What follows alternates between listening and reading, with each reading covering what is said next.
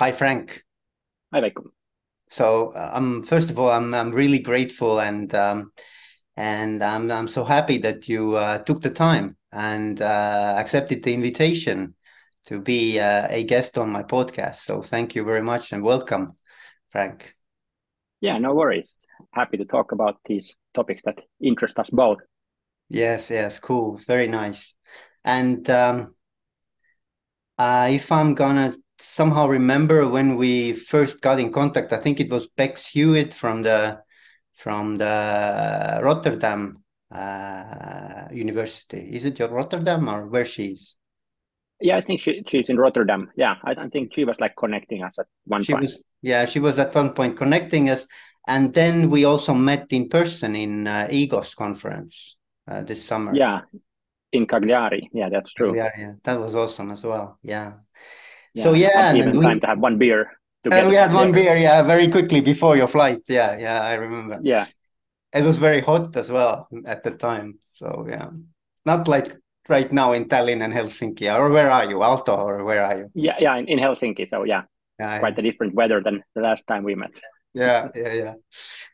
Um, but yes, so there are a lot of uh, kind of common interest in our uh, research agenda as well. So so you obviously have a much wide, much more wide-ranging kind of like um, uh, perspective. So, so you have a background in philosophy, a PhD in philosophy.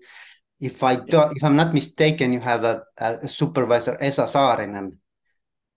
Yeah, yeah, but actually I have like two PhDs. So one of them is from like philosophy, but the other one is like from organizational research. And Esa Saarinen was supervising my organizational research PhD. Okay, cool, cool. Okay, okay, organizational. Uh, okay, that that I didn't know even. I was thinking that the PhD in philosophy was uh, supervised by him. So yeah, yeah, okay. Yeah, yeah. Of course, he has also background in philosophy, so that would be like suitable. But actually, he he has been in the kind of like the Department of Industrial Engineering and Management for the last twenty years, and that's also where I met him and where I then became his student when I was doing the PhD. Okay, cool. Yeah, yeah. Because Esa's book has been also, I think, translated into Estonian, and and you have a book in Estonian as well. Actually, I, I looked it up. It's in forty different languages. Actually, no, twenty nine, I think. Well, it's written in Estonian uh, homepage. It's written forty languages. oh, really? yeah, it is. Yeah, yeah. okay, that sounds a bit too many. I don't think it's, but but twenty nine is still quite a good number for for yeah. a Finnish book. Yeah. So the book is called uh, A Wonderful Life. Yeah, A Wonderful Life Insights for Finding a Meaningful Existence. That's the English title. Yeah. I think Estonia was like Imeline Elu. Yeah, Imeline Elu. Yeah, yeah, yeah, yeah, yeah. Imeline Elu. Yes, exactly. Yes. So if anyone is interested after our talk, they can check it out in Estonian or, or in, in Finnish or in English or any other language that you have published. So yeah, awesome. Awesome. And uh, your research interests uh, are in uh, now, as we already kind of uh, alluded to, um, into meaning of life or or well being in life, um, and also into in, in, intrinsic motivation or motivation in general. Um, and also self self management and self managing organizations as well. So, uh, anything else that that is of your interests? Yeah, I think like always, I think tend to have like too many interests. So I always have to try try to like keep me somehow consistent in what I'm doing. But I guess the main main topics that I've been interested in are exactly like one of them is this like meaningfulness of life and well-being and happiness and generally how to live a good life. Then the other topic has been this motivation and basic psychological needs and especially this self-determination theory, which is this one of the most cited and researched motivational well-being theories right now, currently in psychology. And then the third interest has been about this low hierarchy, decentralized, self-managing organizations and how are they able to function and thrive. Yeah, yeah. And and and this is where our interest eh, kind of like intersect and and are kind of you know there are some common grounds there and um, yeah we can talk about everything. Everything is interesting to me. I, I would also like to know more about what's what is the meaning of life right? It's almost like like what is love right? It's the same kind of like yeah yeah. What's yeah, the we, we can, of life? Yeah yeah we, we can end up with that. Yeah yeah yeah. Yeah anyway yeah so um maybe first i would would like to ask like how how did you come about like being interested and curious about these topics. Like like what drives you as a person? Like like you must be a very curious person because you you're you're learning all the time and and teaching and and writing. And i mean this this must be something that is in your dna yeah i guess like that's true. That i guess like i've always been quite curious about quite many topics. So when i was already like you know small like when i was six or seven when i was asked what what do you want to become when you grow up I always say that I want to be a world research researcher of the world. That was like my standard answer to this question. And also, I recently met this high school teacher of mine, and and just I randomly met met bumped into her in one like one seminar, and then she said that you know she remembers two things about me. One of them was that you know that I was very curious about all possible topics. That I was like the teachers were like surprised at how many courses I was taking because I was wanted to I took like all like all the mathematics courses, all the physics courses, but then also all the history courses, all the psychology courses, all the philosophy courses. So I was doing I think it was in the end you're supposed to be doing like 75 courses during your three years of high school and I did like 104 courses altogether. so quite much more than was like was like you know needed for for the high school diploma. But then the other thing that she remembered about me was that I was always a bit late from all the lectures. Oh. that always when the lecture started, then she knew that she if she looks out of the window, she sees me like running running towards the school a few minutes late. yeah, yeah, yeah. And this happened today as well, a few minutes later. yeah. I, it's a bad habit that no, that's okay. I think that's okay. Yeah. That's okay. That's fine.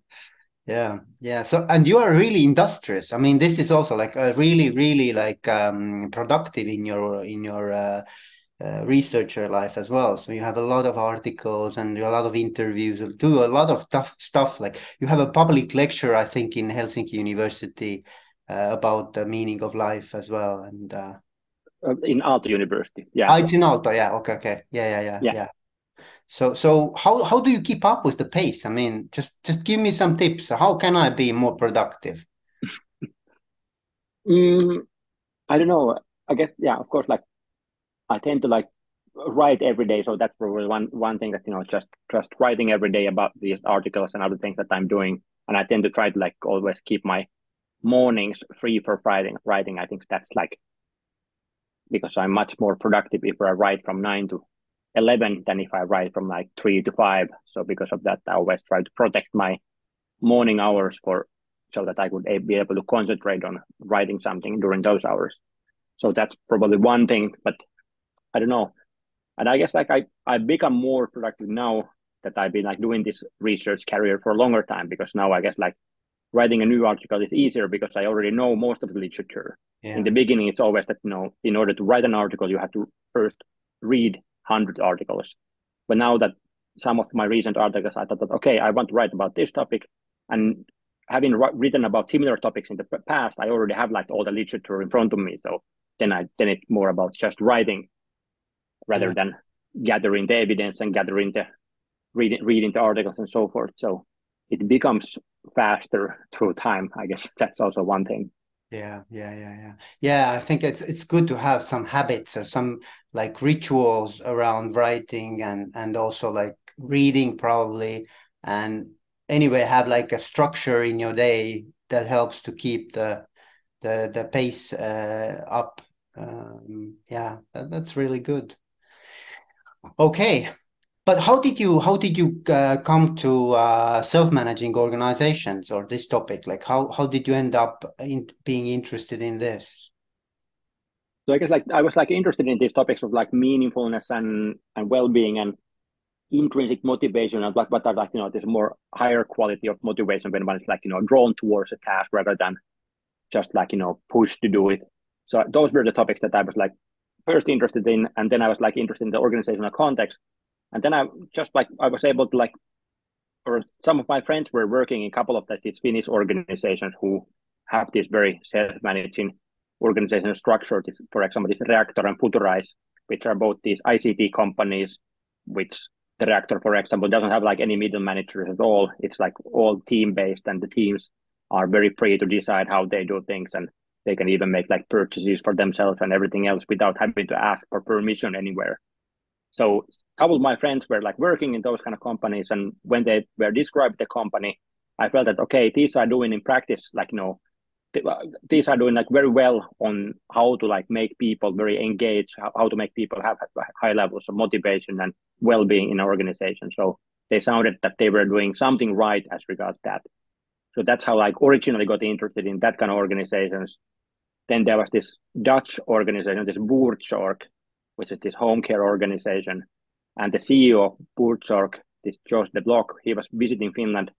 I think that must must have been 2015 he was visiting Finland to speak in one of the universities about the company. And I was listening to that. And when I was listening to him to describe this home care organization, I realized that it's very similar to these ICT organizations that I have been studying. So there seems to be like some like commonality or some like common background to both. And through that, then I found this literature on the self-managing organizations. And then after that, I've been like studying that, trying to identify identify that kind of organizations, and then trying to understand more through interviews and other other ways like how they are able to function and how they how they're able to do the things that usually one needs to have like managers to do when they don't have these similar managerial structures or hierarchical structures than traditional organizations. Yeah, yeah, yeah. yeah. Jos de Blok was also in the Nordic Business Forum now in the, the last this this this fall now in September. So, so uh, yeah, really cool to to see him on stage as well. Yeah but but okay let's jump into the self-managing organization stuff so so for, for me it's also really really promising really interesting really fascinating phenomena now if i would ask you like what are the conditions that the self-management and self-managing could occur or could could actually become kind of like a you know successful operational model so, so what what comes to your mind? What what are the like the conditions that have to be in place? Yeah, that's a good question because, like, yeah, I, there's also examples of organizations that have tried self management, but then realized that actually they don't get it to work, and they have to like then go back to the older model because that because the things become too chaotic and nothing gets done.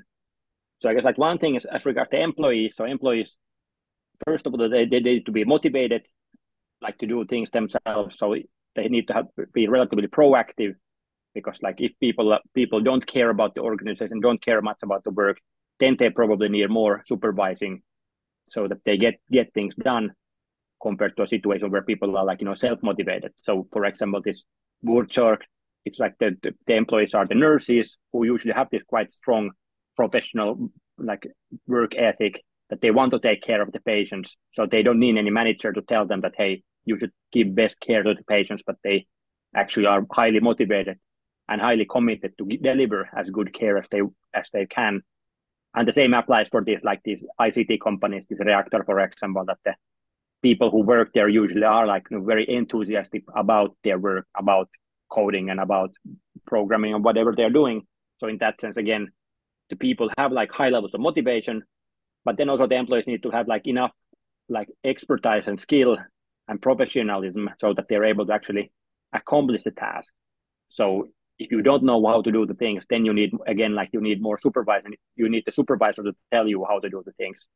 So I remember one company who started to move towards self-managing model.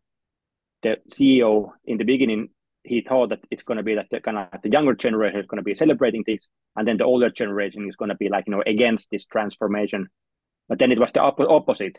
It was mm-hmm. like the old senior employees who were very happy about this new model because you know they had been doing the work for 10 years or more so they had the expertise. They didn't need like super any supervisor to tell them what to do. They already like had all, all of the expertise in their head. But then the junior employees they felt that you know they were a bit abandoned that suddenly they, the structure around them was like was like not, not there anymore. And because of that they didn't really know how what what to do or how to do things. So then they needed like implement some kind of like you know coaching or kind of this coaching structures. So there would be like some facilitators or coaches who would help those more junior employees who still needed more support in order to be uh, com- complete their tasks. So that's one thing that you know I guess like the employees need to be ready for the model in the sense of having like enough motivation and enough skills to survive in this kind of organization model where there's like less supervising from above. Mm-hmm, mm-hmm. Then at the same time, I think that it's easier to implement in some industries than others. So like if if the because usually it's like a team-based structure. So usually the team, it's not like individuals who are like responsible for things, but usually there's like some kind of team who takes responsibility for certain things. And in some some industries, different teams are more like interdependent. So they're more they need more information, more coordinate, more coordination with other teams. So like you know, let's say a car factory. Like if one part of the car factory is not doing their job then the next part of the kind of like assembly line is not going to be able to do their own work. So everything has to be like synchronized and integrated. But then in some other organizations for example these nurses one team of nurses serving certain patients they don't have to know what the other other team serving other patients are doing. So there's like very little need for, for coordination between the teams. So i guess it's also usually it's easier to implement this kind of model in those kind of industries where one team doesn't need to know much about the other teams, but each team can operate quite independently. When there's more dependencies between the team, teams, then one usually needs more coordination, more structure between the teams to make sure that they are able to do the things together. And usually managers is one way of like kind of like implementing that needed coordination. Mm-hmm, mm-hmm, mm-hmm. Anything else that comes to your mind, like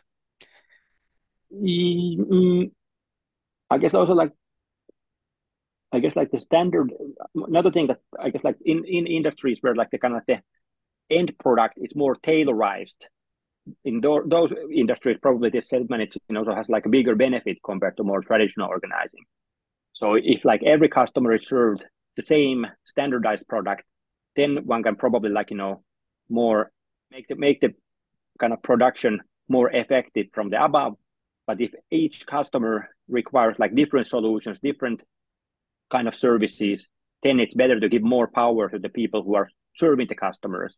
Because of course, like if you're serving the customer and then the customer wants that, hey, can you do this thing a bit differently? Then one organization, the team might answer that, yes, we want to do it like that, but we have to get permission from our boss. So we'll get back to you in one week when we know from our boss it's okay that we change the plan like this. But in a more self-managing team, they can say, okay, that sounds good. Let's change it right now. So they can make the decision themselves. They don't have like wait for like, you know, permission from somewhere else. So the more tailored the product end product is on to, in the, for different teams or different like customers, the more there is benefit in giving more power to the people who are actually serving the customers. Hmm. Yeah, yeah.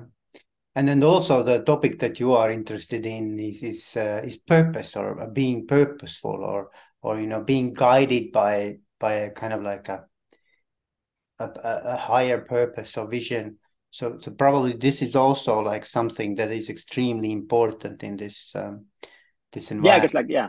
Yeah it's true that you know given that like the employees need to be like highly motivated for this mod- mod- model to work so then of course if there's like this clear purpose that everybody is committed to that's one way of like ensuring that everybody actually is trying commit to the com- commit to the common goal and because of that are willing to put in the effort to get there. So for example this ner- nurses they have like this like they they are very committed to the shared goal of like serving the patients as, as well as possible like you know making sure that they are doing well. So because of that then they want to be part of this organization because they feel that this is the organization where they're best able to fulfill that goal that they would ha- have like anyways given given their like choice of profession. Yeah, yeah, yeah. So, yeah. Yeah, yeah. yeah so I, I guess I like think it's, it's, yeah, yeah. Purposefulness probably very, very important. Also, like, like this, this. In one hand, it gives you uh, motivation, but on the other hand, it also kind of gives you a reference point whether what I'm currently doing or or or planning to do is something that helps the organization forward or not so so you can actually make like decisions quite comfortably knowing that this is a, a true or valid kind of reference point always like Yeah, yeah, and that that's like from the point of view, like you know, leading this kind of organization. If you're like you know the CEO of the self-managing organization or some of the top managers, then that's probably one key point that you have to clarify clarify the purpose or like kind of like strategy of the organization. Everybody should know where we are heading, where we want to go, because like because people are more autonomous in making their decisions, then to make everything aligned. So to make sure that everybody is going in the same direction, you have to ensure that everybody knows what this shared direction is. So from the point of view like leading this kind of organization, then it becomes quite much about, you know, clarifying the vision, reminding people about the vision and telling them what is the shared direction where we are heading towards. Yeah, yeah, yeah, yeah. And another topic probably is also like what is the what is the like the broader culture? Like how how how do we fit into kind of like a, a broader uh, scheme of things? Like what I I guess in some countries it would be quite difficult because of the national kind of like the the the, the value system and and the traditions and you know norms. Um, and then in other countries it would be much much simpler or easier to implement. So so what do you think about that? Yeah i think that that's like that's also like quite important like the national culture plays a clear role and how much people are able to take this like like power within the organization. So some cultures the kind of the power distance between the bosses and employees is lower which means that you know in general people are more able to like you know even challenge that if the if the boss says something too stupid they're able to say hey that's a stupid idea.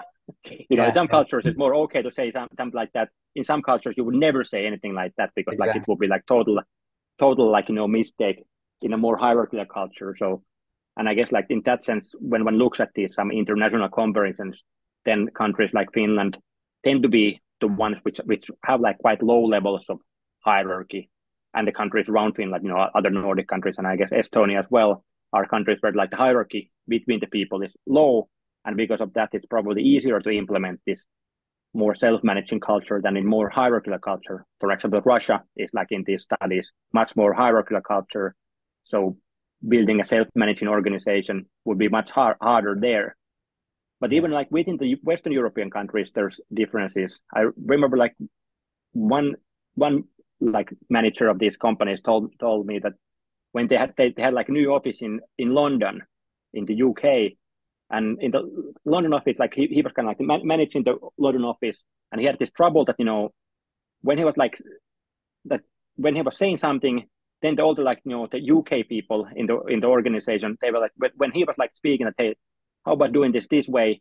Then everybody said okay now the CEO has spoken let's do it this way. You know they they didn't challenge him they they thought that you know if he says his opinion, that's like the final word on the matter. So then he then they thought that okay, I'll stop saying my opinions. I, I will just keep the uh, let let other people that discuss these matters because I don't want to make the decision. So it's better for me to not say my opinion. So then, then that was like his new strategy. But then the problem was that the the older older like you know employees who, are, who had come from Finland to the UK then they were like saying that, hey, why are you silent? Why are not why are you you not telling your opinion to the to, to us? Because they thought that you know the CEO should like also contribute, but not as like you know as a final word, but like just one, of course, like a bit more weighty word than than other people, but still like you know just something that can still like that doesn't like close the like, discussion, but it's one part of the discussion. So then it took him some time to like find the balance that you know how to how to make sure that he's able to express his opinion without the employees think that that's the final opinion. And so he felt that you know there was like a clear difference in the like Finnish culture and the UK culture that even UK kind of company culture is more hierarchical compared to the, what, what what he had experienced previously in Finland. Yeah, yeah, yeah, and and it's also very interesting that um, Netherlands is, I think, one of the countries who has uh, which has the most uh, at least in my my my knowledge, my, to my best knowledge, the most organizations that run on the self-managing kind of model, um, even even compared to US and and and uh, and companies there, because it's probably also something to do with the kind of culture and and you know the the the overall kind of acceptance of of this kind of uh, models of yeah yeah. Yeah but i think like also netherlands tend to be one of the countries which has like this very low power hierarchy compared to other countries. So if the finland is one of the countries but i think netherlands is also one of the countries which tend to be right on top of these rankings of how low the hierarchy between people is in general. Yeah and and and it's also also interesting that euthanasia you know the the kind of like relief from this life if if you if you are you know doing the decision on your own was was probably legalized in in Netherlands first I, I remember. So it's also like very okay, okay. It's very interesting like like kind of like giving you also more freedom and rights to decide upon your life which obviously is kind of like interesting and and controversial topic in itself but but uh, but just coincidence there as well like uh, that that they yeah. were the first ones yeah that, yeah okay yeah. so so but what is currently your like research uh, on on this subject or what what are your like main kind of like sub themes or or like specific kind of questions that you are interested in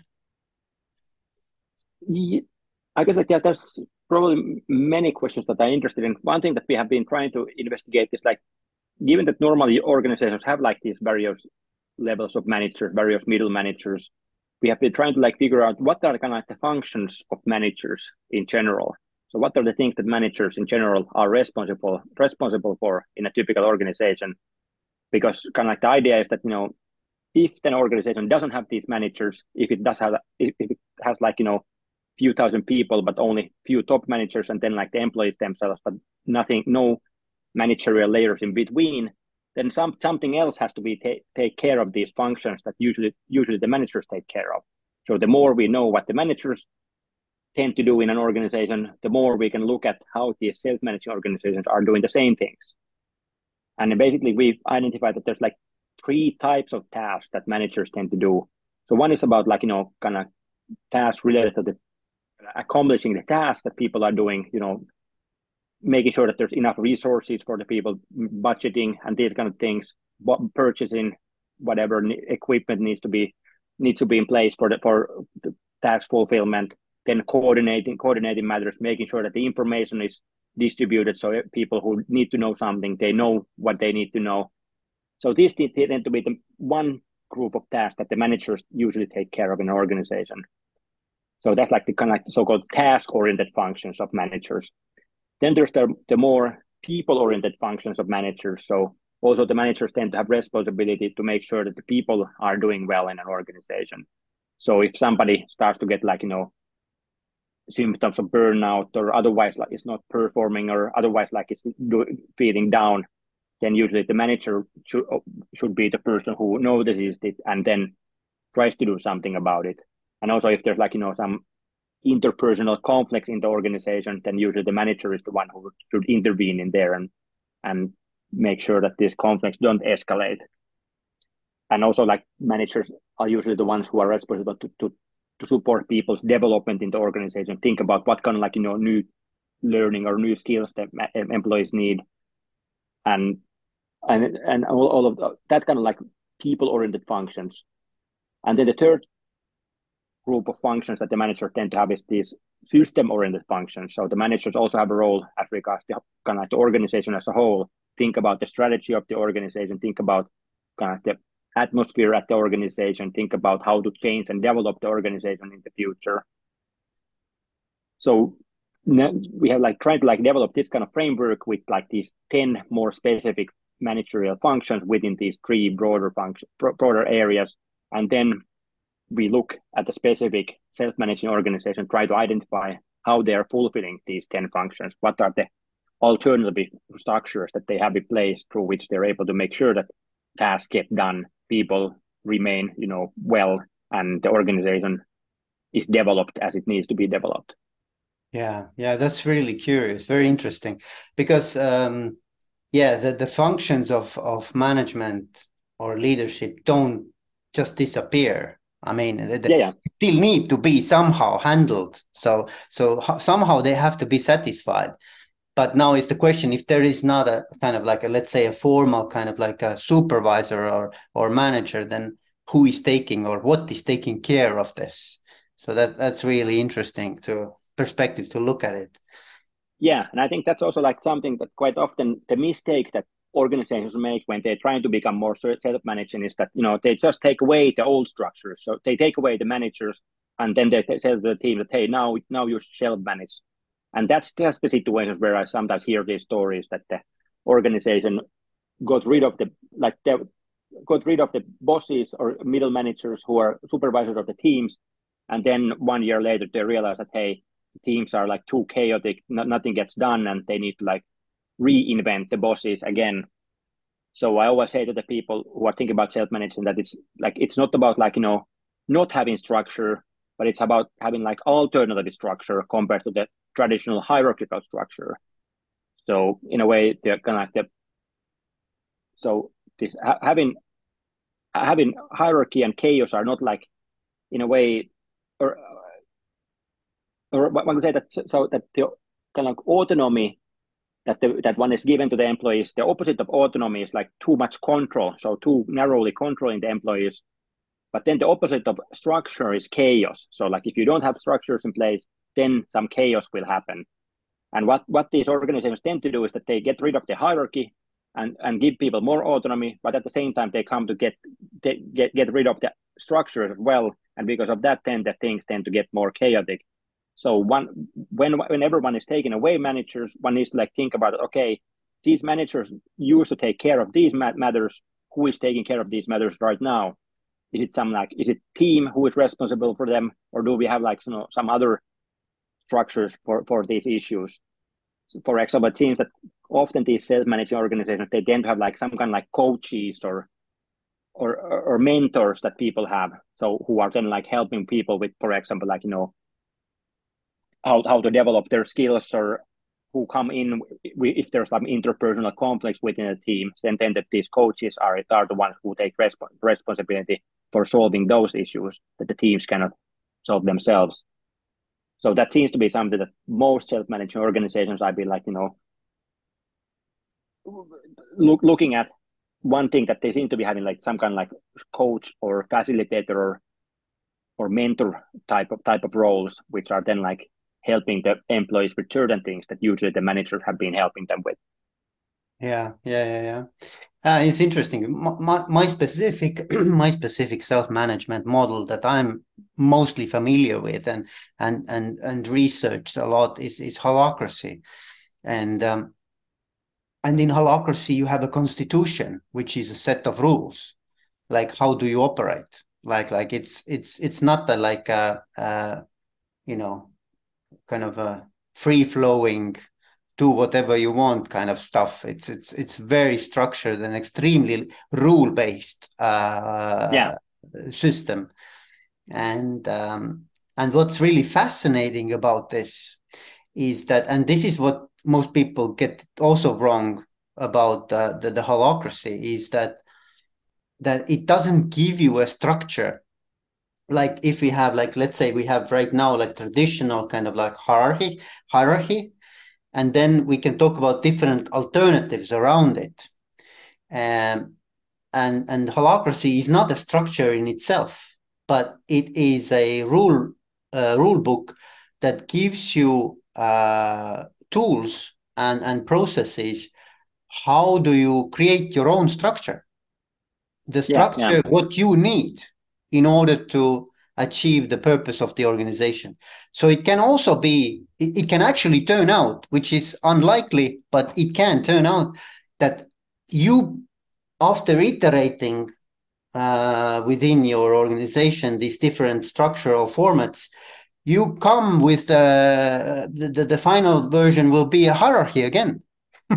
because mm. that's the best version that helps you to achieve the purpose of the organization so it's it's not like it gives you a specific form of the structure in itself but it gives you kind of a meta framework of rules to come up like a lego it's almost like a lego you play with yeah, lego yeah. legos kind of like things and you try out this try out that and then you you know find the the way how to structure your organization that suits you the most.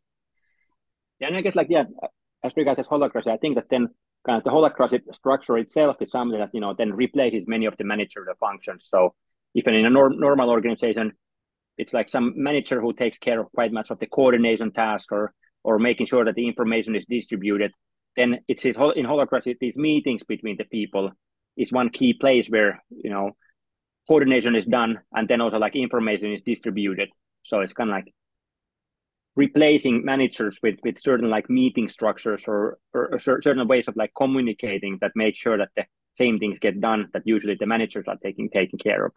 But it's true that like in, in terms of organizational hi- hierarchy or structure it, it doesn't give like an exact ex, certain structure but it's it's a meta framework for creating most purposeful structure for the organiz- organization in question yeah, it's it's yeah. I, I like kind of like uh, um, draw the parallel with the operational system of Windows or or you know no, like um, Linux or something. You know that you operate the the computer on, that you you build applications.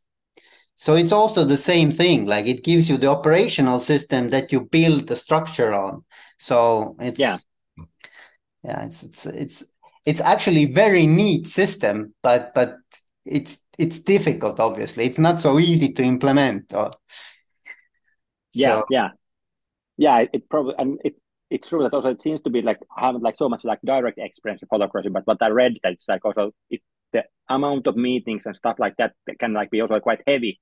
So it's like some people feel that it's then like too much of the time goes into these kind of this meta meta level discussions rather than do, getting the actual work done.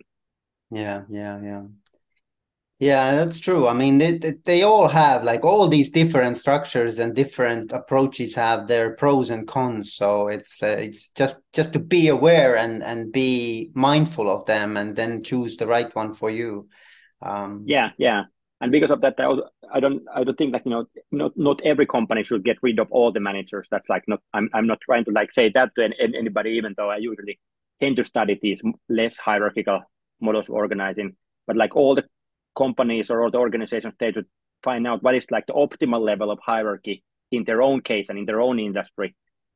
But at the same time i feel that in most cases it's probably is like having less hierarchy than they have now because because that uh, we have this legacy of these more hierarchical or models of organizing. So because of that most organizations tend to have like more hierarchy than would be necessary for getting the tasks done. So probably that's that's a direction that that in most cases that is like good for the organizations. But then of course there's organizations that have gone too far into having no hierarchy and then they need like reinvent some more some more hierarchy into the organization to get it more to make it more functional again. Yeah. So it's finding a finding the optimal balance in the specific case of one's own organization. Yeah yeah and not being dogmatic on on either or kind of like uh situation yeah yeah yeah yeah, the dog, dogmatism is always bad, bad. Like whatever, like direction. Being dogmatic about not having bosses and being dogmatic having like you know certain levels of bosses that both are like bad options. So yeah, it's yeah, better yeah. to experiment with these things to identify what is the best solution in our specific case. But but I had a really interesting podcast with David Allen. I don't know if you are familiar with this with his work. It's getting things done. Um, yeah, yeah, yeah um, a, a, kind of like framework as well. It's like a self management uh, and, and productivity kind of approach. How how how to be productive, you know, managing your own life and your own time. Um, and what he said, he has actually applied, implemented holacracy within uh, his own uh, company.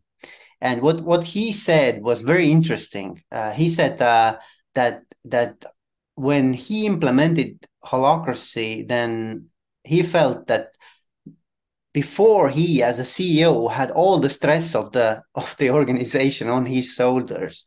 But now the stress is is kind of equally distributed between all yeah. the members of the organization. So so it's a different kind of like uh, lens how to look at this self-managing yeah, organizations yeah and i really liked that because it it kind of it came from his own experience and and he said that I would be burned out if I would have uh, you know continued being in the same role. So so he was looking for alternatives. Like how, how do you, how do you distribute not only authority, but together with the authority, you also distribute your stress.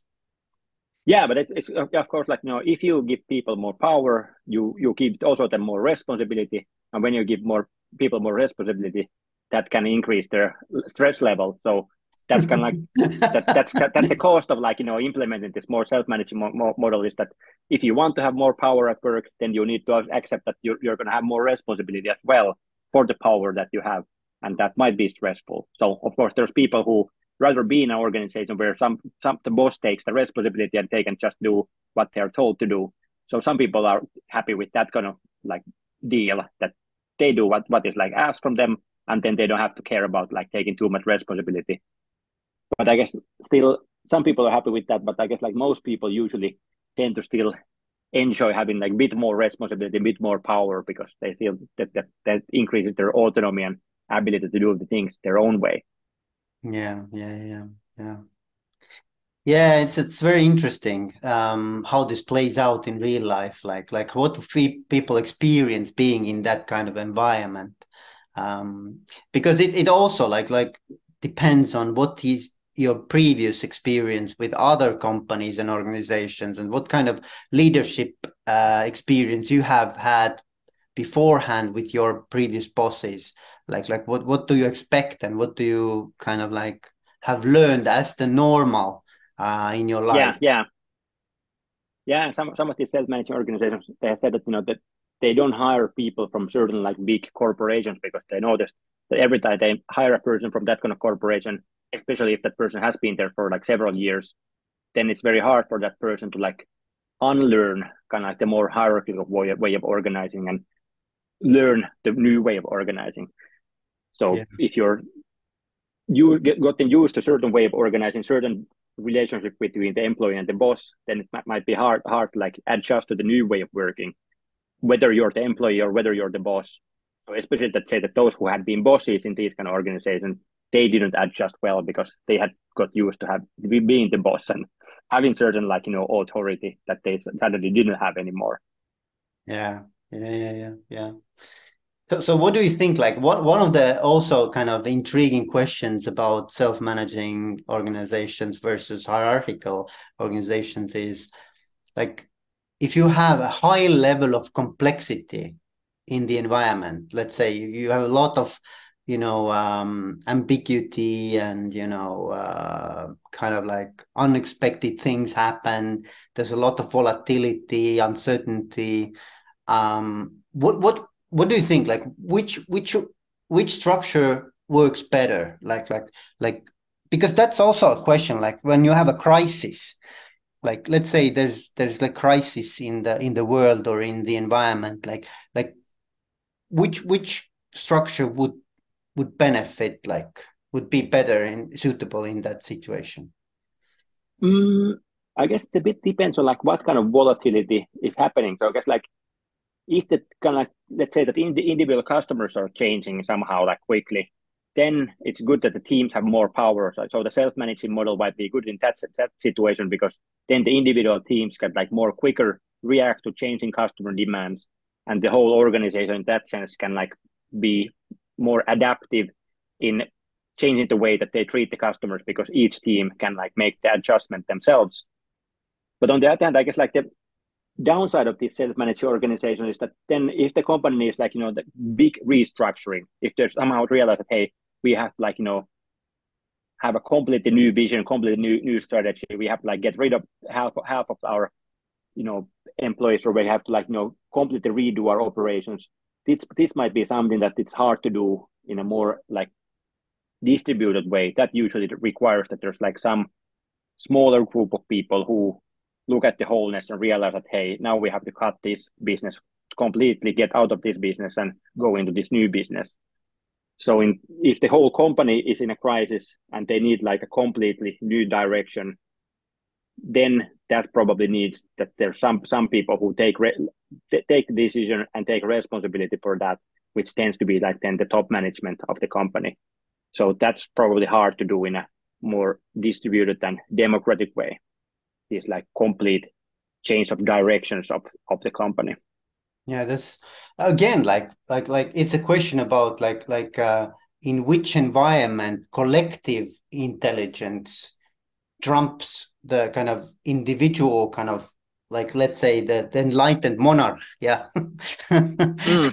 so so it's like it's it's it's it's a question about like like when does the collective wisdom uh, overpower uh, in its intelligence the the, the kind of like a small group or even a single person um, and where it doesn't so um as, as yeah and i guess like yeah yeah and i guess like so I said like you know, the team, individual teams, they can be very adaptive and quick to react when the customer change. So this organic change can take place very quickly. But then if one is this like more radical change of direction, where one like this organic, like you know, step by step change that is not enough, but one actually has to like you know get rid of one business and then invest seven million dollars to build a new business, then that's something that kind of like the self-managing model is not good at implementing. But then somebody has to make the decision that hey now we need to invest seven billion seven million dollars into the in this new direction yeah yeah so that probably requires some some people who are looking at the wholeness and who have the kind of like the power to make this seven million dollar decision. So maybe it's it's like these existential crises you know like when when you are in the brink of the collapse or or or you you you need to somehow survive the situation. It, it might yeah, yeah. be very difficult as a collective to make the right decision. Yeah yeah. For example like classic example in finland was like this nokia so of course like nokia before it became a mobile game company it was like this company which was like producing many many different things rubber boots and rubber tires and all sorts of businesses and then it was like very close to bankruptcy at one point and then they then they, at that point they make the decision that okay let's sell everything else. Let's sell all the rubber related business. Let's focus on mobile phones and this mobile technology. And that was a very radical move. And and uh, many were doubting that move at that point. But then, of course, 10 years later, nobody was doubting then when the company has been like, you know, became one of the biggest mobile play mobile phone producers in the world. But that probably that that was clearly a, like top management decision that now, now we get rid of these old businesses, we put all all our money and all our investments into this one new business area. Mm, yeah, yeah, yeah, yeah.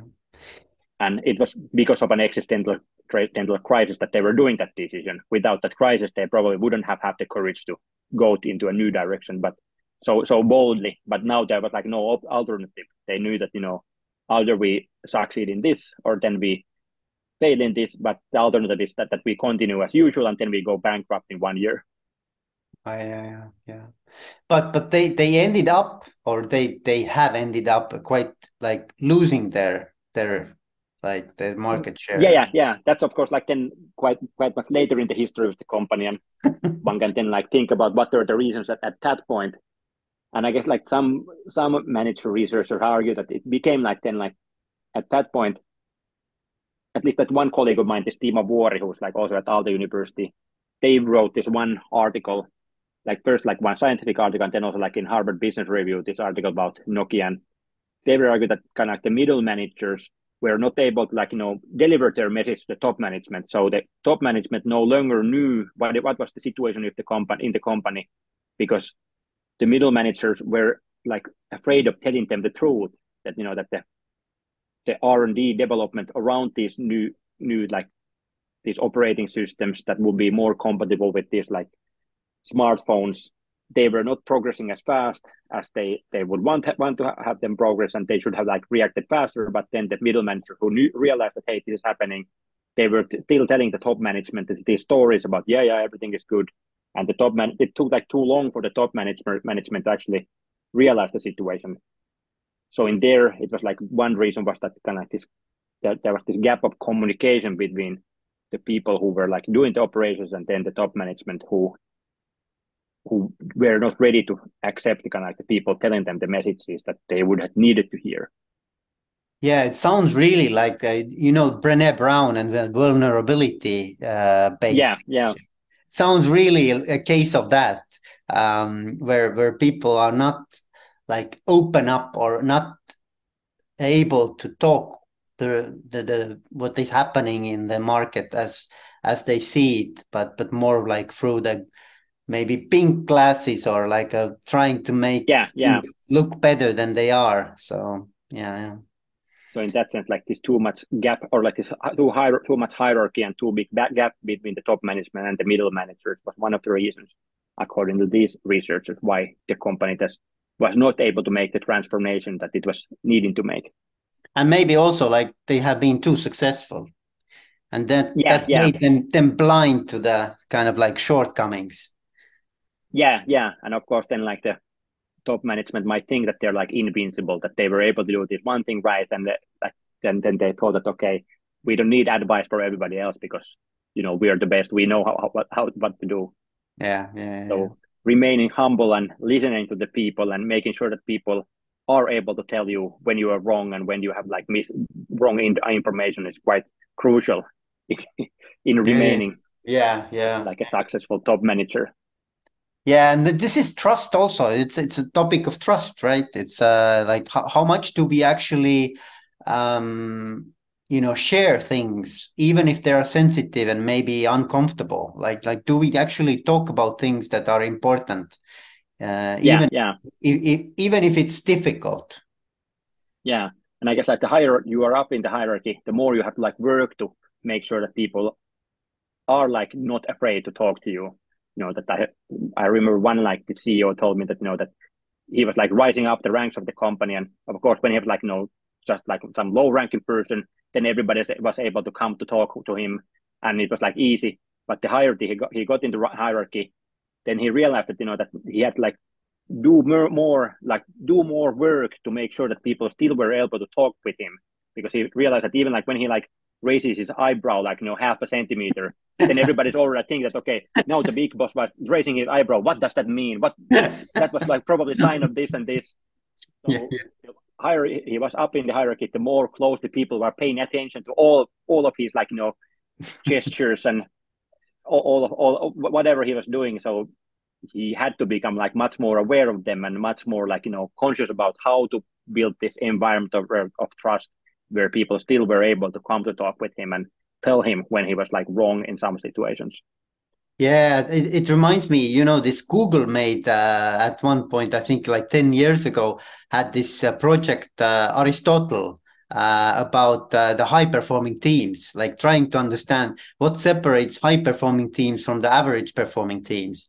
And, and the number one factor was psychological safety. So uh, that that's that I think it talks to the same topic basically. Yeah, yeah, yeah, exactly. Yeah, yeah. I think yeah, and this Amy Edmondson, who is this one organizational researcher from Harvard, I think she has like done like much work, and she had already done much work before the Google discovered this yeah, psychological yeah. safety, um, and so in that sense, based on her research, it was like easy to easy to like predict that one of the key factors of team successfulness or team creativity would be this psychological safety and I guess like and it applies to all levels of teams. So it applies to you know R and D teams, but it also applies to top management teams. But in all levels, having this high level of psychological safety ensures that people are able to talk about the real matters to the other people and not not quite like you know polish whatever they're saying and because of that then not telling the truth about various factors and I guess like if we're talking about self-managing organization, then all of these topics like like the, the vulnerability, trust, uh, psychological safety, all of these topics are extremely important, maybe even more important than in hierarchy. Because if you are not talking, if, if you're not opening up, if you're not sharing, it's impossible for you to actually uh, fulfill your role because yeah, nobody yeah. nobody's actually doing it for you yeah, I, I agree that uh, now, but given that usually the self-management works through these team-based structures, then these team-based factors become more Im- important, and one of them, one of the key factors, is this psychological safety. So making sure that the team has like this atmosphere where everybody is willing and a- able to speak up and tell their own opinion, even when they disagree with, with others, other people. That's like very important for the team successfulness, and through that, the whole successfulness of this self-managing organization. Yeah. So what is what is the future for the self-managing organizations? What do you think? Like what what if, we had if we would have the crystal ball like what would you say? Like like like if we would talk in five years like what how has the the world changed in terms of self-management? Mm, of course like because like it's still that they, they tend to be this pioneering organization who are like invented the wheel themselves so that you know they have like come up with this model themselves. I guess like when there's more of these organizations we are more able to find out like what are the you know the common lessons common lessons from these various organizations and through that it becomes like easier to implement self-management in the future because you don't have to like you know start from the scratch and invent everything yourself but that's easier than to like figure out what were the key points in other organizations who implemented it already. So that probably makes it that we see more self-managing organizations in the future because it becomes easier to build them because they, they can rely on the experience expert experience of the pioneering companies. Yeah.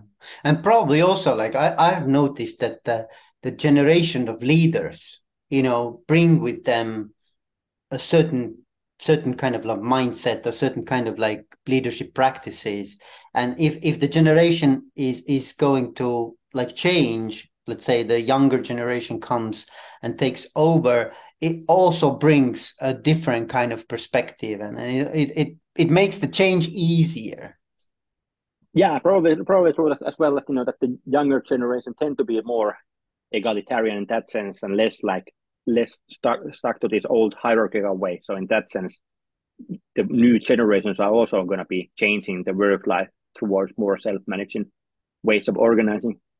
Yeah, and and also the the world in itself. I mean, if you look at the changes in values, like society in society, probably moving also closer and closer to the to to, to the values that uh, are supportive of self management pro, pro in, in my opinion. Yeah, yeah, it's true that yeah, at least that this Christopher Welzel, who's like this one sociologist who has examined this World Values Survey, which has like these surveys from early 80s until nowadays.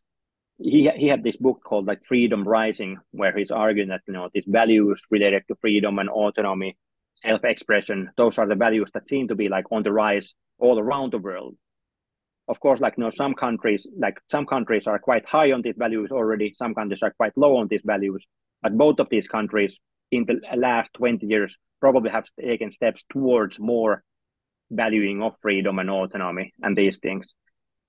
So in that sense, his argument was that the world is actually going in that direction. And in that sense, the countries who are already quite high in that that dimension, for example, Netherlands or the Nordic countries or Estonia, they are the countries which are kind of like showing the way for the other countries who are coming into into the same direction, a bit slower, but still in that taking steps towards that direction.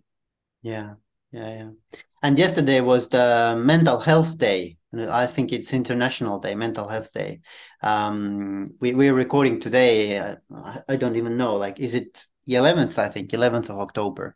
Um, yeah. Yesterday was Mental Health Day, and I was thinking, like, like also um, the self-determination theory, which you are much better familiar than I am, it, it is also, I think one of the arguments is that, that, that the autonomy or the satisfaction of the need, basic need of the autonomy, helps people to also experience like emotional well-being, not not just like being more uh, you know efficient or operationally successful but also like emotionally and psychologically psychological well-being is connected with that right? Yeah yeah yeah. So self-determination theory argues that this autonomy is one of these basic psychological needs that people kind of universally need to experience high levels of well-being. So it's like something that people around the world no matter the culture finds like well-being from. And also that then the opposite that it has been like so it has been shown that it predicts well-being but then also like it has been shown for example that it's buffering against like burnout. So like one factor that makes people burn out is of course that workload how much work you have to do. But at the same time people who have more autonomy they can like you know cope with the higher workload because the autonomy somehow is like able to support them in these situations so having less autonomy actually is something that contributes to also higher levels of burnout, no matter how much workload you have. Yeah, yeah. so we have like listed a lot of different different kind of pros and and and uh, hopefully hopefully. I, i'm really optimistic. I i think in the future we'll see if not like I, I don't think that it will be a big bang like kind of like a changeover but there are elements that creep into uh, all of the different organizations that are aching to the self-managing organization. So so so uh, they they are gradually slowly organically trying to take uh, some of those elements into their own uh, operations as well so so that's that that's my view of the future. Yeah yeah. Anyway frank um, it has been really really uh, cool to talk to you. Thank you for the time. Yeah. thank you for sharing the thoughts and experiences that you have. And um, i wish you all the best and we'll see you around. Yeah all the best to you. And we're sure to see in some conference or other occasion in the nearby yeah. future. Awesome awesome. Take care. Thank you. You too